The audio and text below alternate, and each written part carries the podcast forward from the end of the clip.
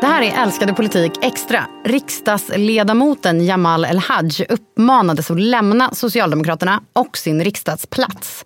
Men i ett brev till partistyrelsen berättar Jamal El-Haj att han istället kommer ha kvar sin riksdagsplats och alltså bli politisk vilde. Vad innebär detta och hur mycket svider beskedet för Socialdemokraterna? Om det ska vi prata idag. Jag som heter Evelyn Jones och Thomas Ramberg. Hallå. Hallå.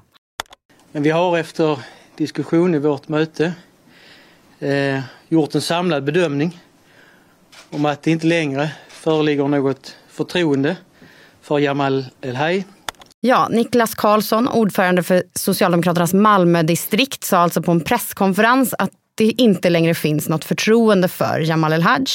Det har ju stormat kring honom ett tag, ända sedan han i somras valde att medverka på en stor Palestinakonferens i Malmö trots att sossarna uppmanat sina företrädare att inte medverka.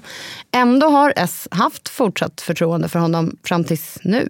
Vad var det som var spiken i kistan här? Det senaste som kom fram här nu och som fällde avgörandet det var att han Eh, visade sig ha lagt ett gott ord för ett antal år sedan, 2017, eh, lagt ett gott ord för en imam som eh, verkar vara salafistkopplad. Detta hade ju då partiledningen ingen kunskap om Eh, och han har inte pratat om det heller. Och det kanske inte är så konstigt, han kanske har förträngt det, vad vet man. Men detta gjorde hans situation omöjlig i partiledningens ögon. Formellt är det partidistrikt i Skåne som bestämmer men eh, det är väl ingen djärv gissning att eh, Magdalena Andersson och partiledningen fick nog i det här ögonblicket. Men vad är det som har gjort då att Magdalena Andersson ändå liksom stöttat honom? Han fick i och för sig ta paus från sitt uppdrag i utrikesutskottet men ändå har man haft förtroende för honom fram till nu. Den här pausen var ju en symbolisk, eh, ganska mild bestraffning för att han då deltog på den här konferensen, den här Palestinakonferensen som är en ganska stor händelse för många eh, palestinier i Sverige och så. Och som var viktig för honom. Eh, men där det då fanns en person som var misstänkt för att ha kopplingar till Hamas och som sen efter det har mm. häktats i Nederländerna anklagad för att ha samlat in pengar till Hamas. Eh, och, och, och, då fick han den här ganska symboliska bestraffningen. Det satte ju liksom ljuset på honom och gjorde att han blev, han och eh, inte minst Magdalena Andersson själv, mm. blev tacksamma angreppspunkter för den, eh, regeringen och regeringens eh, stödtrupper och sådär. Eh, men, men hennes Eh, långa tålamod med detta har väl inte i första hand att göra med att hon eh, känner stor medkänsla med honom som person eller sådär utan det har väl dels att göra med att han då har en väljarkår som stödjer honom. Han var en ganska populär kandidat. Eh, Palestinafrågan är väldigt viktig för Socialdemokraterna. Det var ju en palestinsk eh, eh den palestinska staten, eh, när den erkändes av Sverige så var det under en socialdemokratisk regering. Eh, det är också en fråga som man har drivit och engagerat länge i och, och där många socialdemokratiska väljare just nu är ganska upprörda över vad som pågår i Gaza, det här blodiga kriget och så. Så att mm. Eh, för Socialdemokraterna är det här en större och viktigare sakfråga än vad det är för regeringspartierna som där ju många lutar mer åt eh, Israels sympatier och sådär i den här konflikten. Så att det var väl, och, och sen tror jag inte minst viktigt för Magdalena Andersson och partiledningen som gjorde att de trots allt eh, tog så pass mycket debatt för honom. Det är ju att hela partiets heder ifrågasätts ju på något sätt när när man som pratar om att, att man antyder att han har någon sorts terroristsympatier. Statsministern talade om att det fanns terrorromantik i Socialdemokraterna. Det är så att säga ett frågasättande av hela det socialdemokratiska partiets trovärdighet i förhållande till terrorism och i sin sitt, eh, syn på Hamas. Mm. Och där var det viktigt för partiledningen att sätta ner foten och det tror jag också var en viktig orsak till att hon Eh, Magdalena Andersson och partiledningen ändå eh, tog den här debatten trots att den skadade dem ju ganska mycket. Men nu tog det då alltså slut för Jamal El-Haj i Socialdemokraterna i alla fall. Eh, men då, han följer inte deras önskemål om att lämna riksdagen. Han skriver själv i då det här brevet. Det vore inte rätt gentemot våra väljare och gentemot den svenska demokratin att lämna mitt uppdrag. Eh, och det här innebär ju då att han blir politisk vilde i riksdagen. Eh, och vad innebär det för honom och för Socialdemokraterna? Ja, alltså, han har inte gjort det så lätt för partiledningen. För först så var han ju då eh, kanske av mänskligt helt förståeliga skäl skakad och sådär, vad vet man. Men han, han gav ju inga intervjuer och ville mm. själv inte prata om det här och försvara sin eh, ståndpunkt och sitt agerande. Och det är ju, då är man ju lite illa ute om man är riksdagsledamot och folkvald och liksom gör sig oanträffbar. Sen när han väl ger intervjuer, då säger han en del saker som han får problem med, som man säger det felsägningar och så, men det blev liksom inte riktigt bra heller och då kan han angripas igen. Och sen kommer ju då det här med att han, det visar sig att han har gått i god för den här imamen till Migrationsverket. Och, eh, och, och, och när han nu då uppmanas att lämna sin riksdagsplats till slut som en följd av allt det här.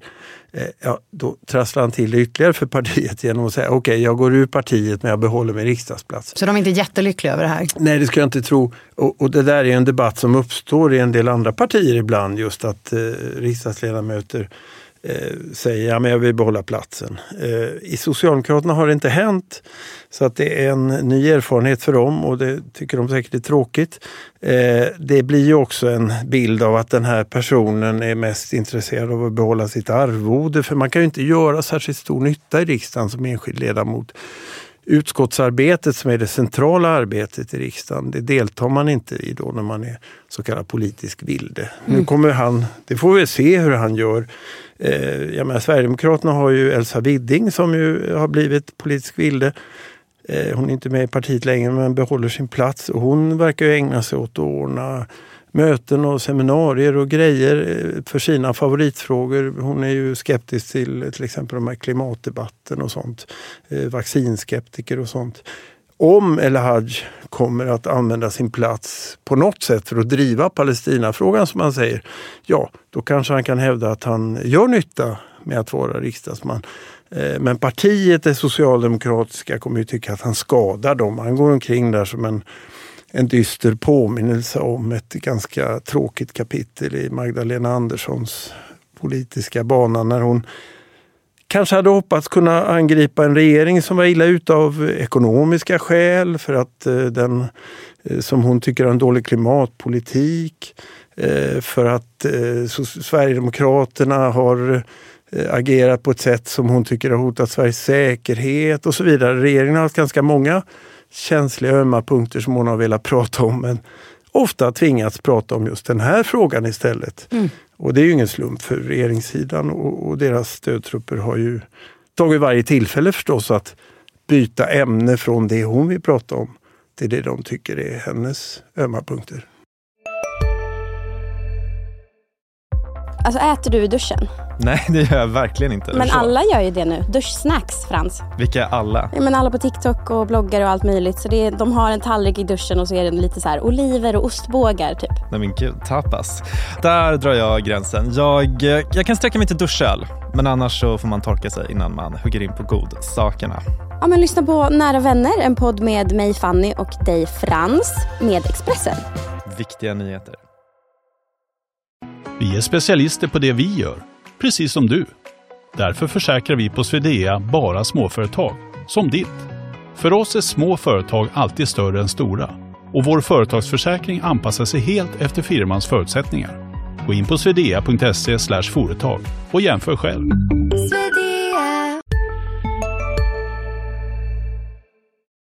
Som Niklas Karlsson sa igår, mm. det var en, en serie händelser som gjorde att eh, man till slut eh, konstaterade att det inte fanns eh, förtroende för, för honom.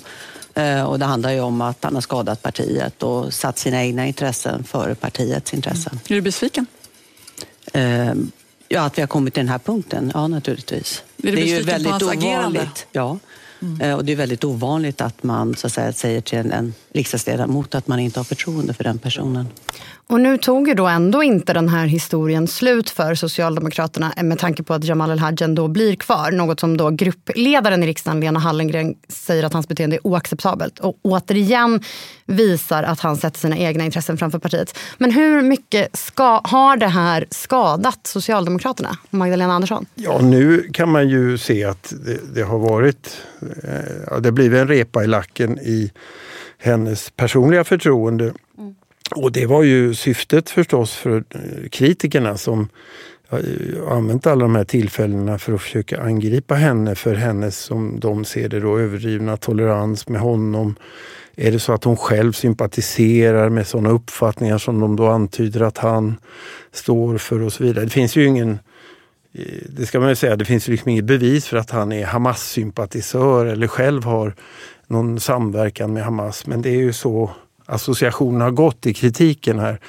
Eh, och så här eh, med facit i hand hade hon väl eh, säkert önskat att hon eh, tidigare, hon och partiledningen hade satt ner foten och sagt, eh, gett honom en, en hårdare reprimand och varnat honom för eh, och frågat honom noggrannare om allting och så. Så att det som har hänt är ju att hon både har tagit den, den, skada som det innebar att gå i god för honom och försvara honom under den här perioden. Mm. Den politiska skadan, alltså alldeles oavsett om, om, om man har rätt eller fel i sak så, så har det blivit en politisk skada. Och nu dessutom då får ta kritiken för att det var för sent, för att han är kvar i riksdagen och för vad hon eh, eventuellt gjorde för felbedömningar tidigare. Så det, summa summarum finns det liksom ingen ur Magdalena Anderssons eh, synpunkt sett lycklig utgång på detta. Utan eh, man har nog snarare lyckats då att eh, ge henne den lilla repa i lacken som eh, oppositionen ville ge henne därför att hon är en populär partiledare och det var viktigt att gå på just henne som person då i den här frågan. Nu får alltså Socialdemokraterna sin första, mig veterligen, politiska vilde. Och hur påverkar då det här Socialdemokraternas möjligheter att liksom göra politik i riksdagen? Troligen. Troligen inte alls. De har ju redan ett underläge mot regeringen på ett par mandat. Och, eh, så det, det har inte varit nära. Så det finns liksom inga omröstningar där en pinne gör stor skillnad mm. på det sättet. Sen vet vi ju inte vad eh, Jamal El-Haj eh, tänker sig, eh, hur han ska rösta och, och sådär. Men det är inte så mycket som tyder på att han tänker stödja regeringen mm. i några frågor. Så att på det sättet så, så, är det inte alls en situation som till exempel med Amineh Kakabaveh förra mandatperioden där väldigt eh, viktiga omröstningar bara hängde på en enda röst. Och det gör ju också att hans intresset för honom och hans möjligheter att påverka är ju minimala just eftersom man inte har den här nyckelrollen. Så Jamal El-Haj, han sitter alltså kvar i riksdagen som vilde och vi får väl se då om den här lilla repan i lacken fortsätter repa upp sig eller vad som händer eh, vidare. Men tack så mycket Thomas. Tack själv. Och det här var alltså ett extra avsnitt av Älskade politik. Ett lite kortare avsnitt vid stora nyhetshändelser. Vi är som vanligt tillbaka på onsdag med ett vanligt avsnitt av Älskade politik. Tack för att du lyssnade. DN har under dagen sökt Jamal El-Haj, men utan att få något svar. Producent för dagens avsnitt var Viktor Aldén. Klippet kom från Nyhetsmorgon och ansvarig utgivare för Dagens Nyheter är Peter Wolodarski.